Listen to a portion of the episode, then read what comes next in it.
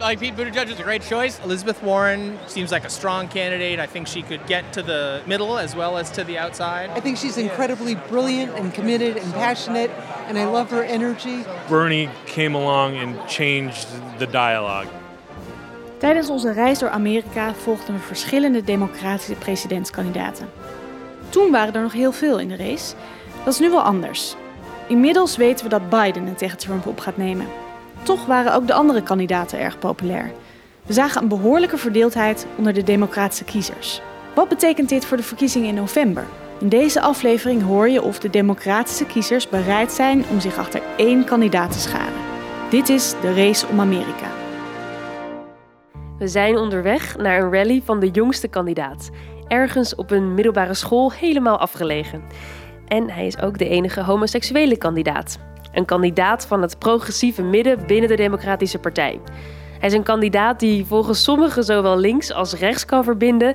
En volgens anderen juist een kandidaat die zo onder de voet gelopen wordt wegens gebrek aan ervaring. Hij is namelijk burgemeester van South Bend in Indiana. En dat is een stad uh, ongeveer zo groot als Venlo. Dit is Pete Buttigieg.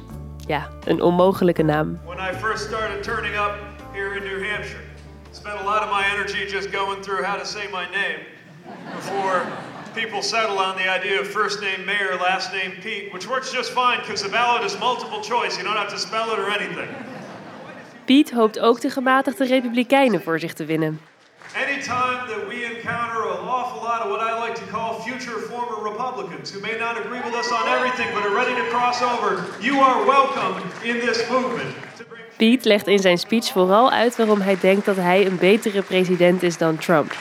Don't you think it might be a good idea for a president to have to compete with a war veteran ready to explain to the country why pardoning war criminals and punishing war heroes has nothing to do with patriotism or the republic for which our U.S. Hij pakt niet alleen Trump aan, hij richt zijn pijlen ook op Sanders. As long as we're willing to have some common sense here, we can deliver the biggest change to American healthcare in a half century. But what we could do without is a plan so expensive that Senator Sanders himself freely admits he has no idea how it's supposed to be paid for. Zoals je hoort is er een enorme strijd gaande tussen de Democraten.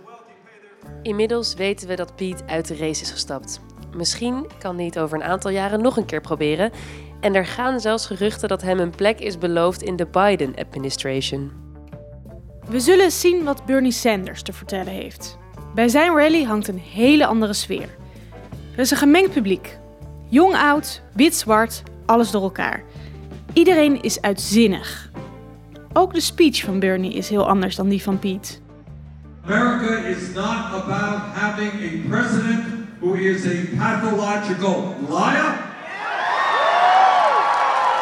who is corrupt, a racist, a sexist, a homophobe, a xenophobe, and a religious bigot. Is it acceptable that the top 1% own more wealth than the bottom 92%? What we have got to do is create a government and an economy that works for all us, not just wealthy campaign contributors. Donald Trump is a threat to democracy. Mink, heb je hem aangeraakt? Ik heb hem aangeraakt. Hoe voelde het? Hij was heel zacht. Heel zacht en heel oud. En heel oud. Ja, van dichtbij is hij echt heel oud. Ja, hij stond ook helemaal krom.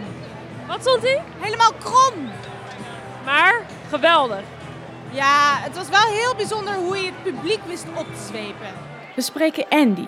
Andy is leraar en, tot ergernis van zijn vader, Bernie supporter. My father was a Wall Street banker and would call me a class trader. A class trader. And what does your father say about that? He doesn't like it. He likes Bloomberg. Bloomberg, nog zo'n kandidaat. Eentje die bijna een miljard dollar in zijn campagne heeft gestoken. Zonder succes. Very, very difficult. We end up shouting at each other usually. And there's a, a part of him that says, I'm a capitalist and I can't support somebody who uses the name socialist. And uh, anyway, Are you a socialist? yeah, I'm a, mem- a DSA member. Yeah. Later spreken we Paula. Ze is transgender en vertelt dat mensen het haar niet altijd even makkelijk maken. Dat is een reden voor haar om op Bernie te stemmen. I've just been out and about for the past uh, eight years or so. I spent my life with male white privilege, and now I'm seeing the other side of the coin. Bernie is inclusive. Color doesn't matter, gender doesn't matter, that type of thing.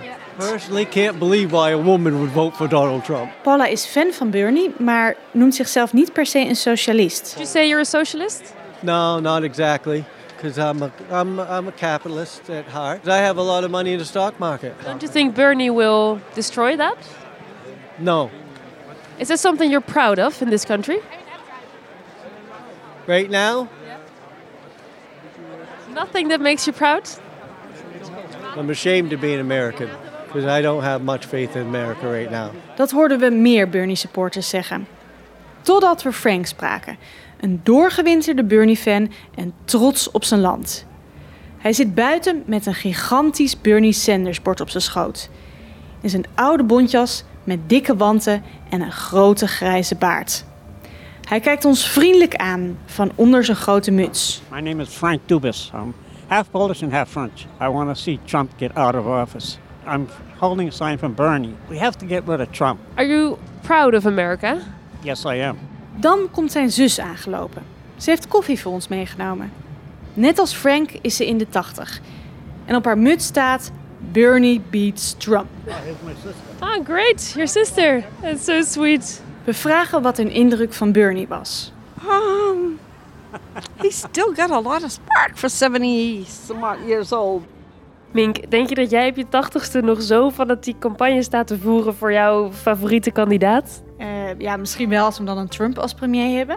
Ja, oké, maar deze mevrouw van 80, dat was toch niet normaal hoe fanatiek zij was? Ja, op die leeftijd nog zo betrokken, dat vind ik toch wel heel knap, ja. Weet je, jouw idool. De volgende dag gaan we naar Warren. We komen aan in een operazaaltje waar iedereen ging zitten. En dat geeft een hele andere sfeer dan een rally in een gymzaal. Best rustig, hè? Ja, er staat helemaal geen rij. Te- Totaal anders dan gisteren. Ja, gisteren stond er een enorme rij bij eh, Bernie Sanders. En bij Piet was ook een lange rij. En we moeten nog naar binnen, dus we gaan het zien. Maar tot nu toe lijkt het hier best wel een stuk rustiger dan gisteren. En dan komt ze dansend het podium op. My story has lots of twists and turns. I got a scholarship.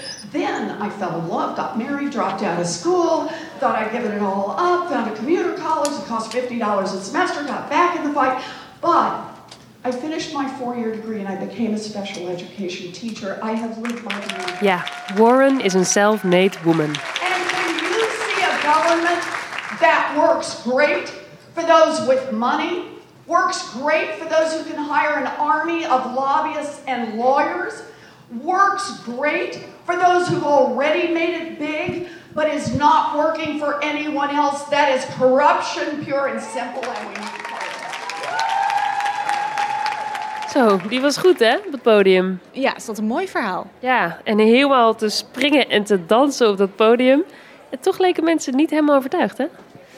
Ja, de mensen die we spraken vonden Warren wel heel goed, maar ze twijfelden of ze het kan winnen van Trump. I'm worried that about her ability to beat Trump. I think she's incredibly brilliant and committed and passionate, and I love her energy. She's amazing, but I just worry that people are not going to be able to or go that far left. Clearly, we do have a problem in America where many people feel disrespected or not represented, and Trump is their answer. And do you think Warren can beat him? No. Why? Uh, I think she is too stridently left.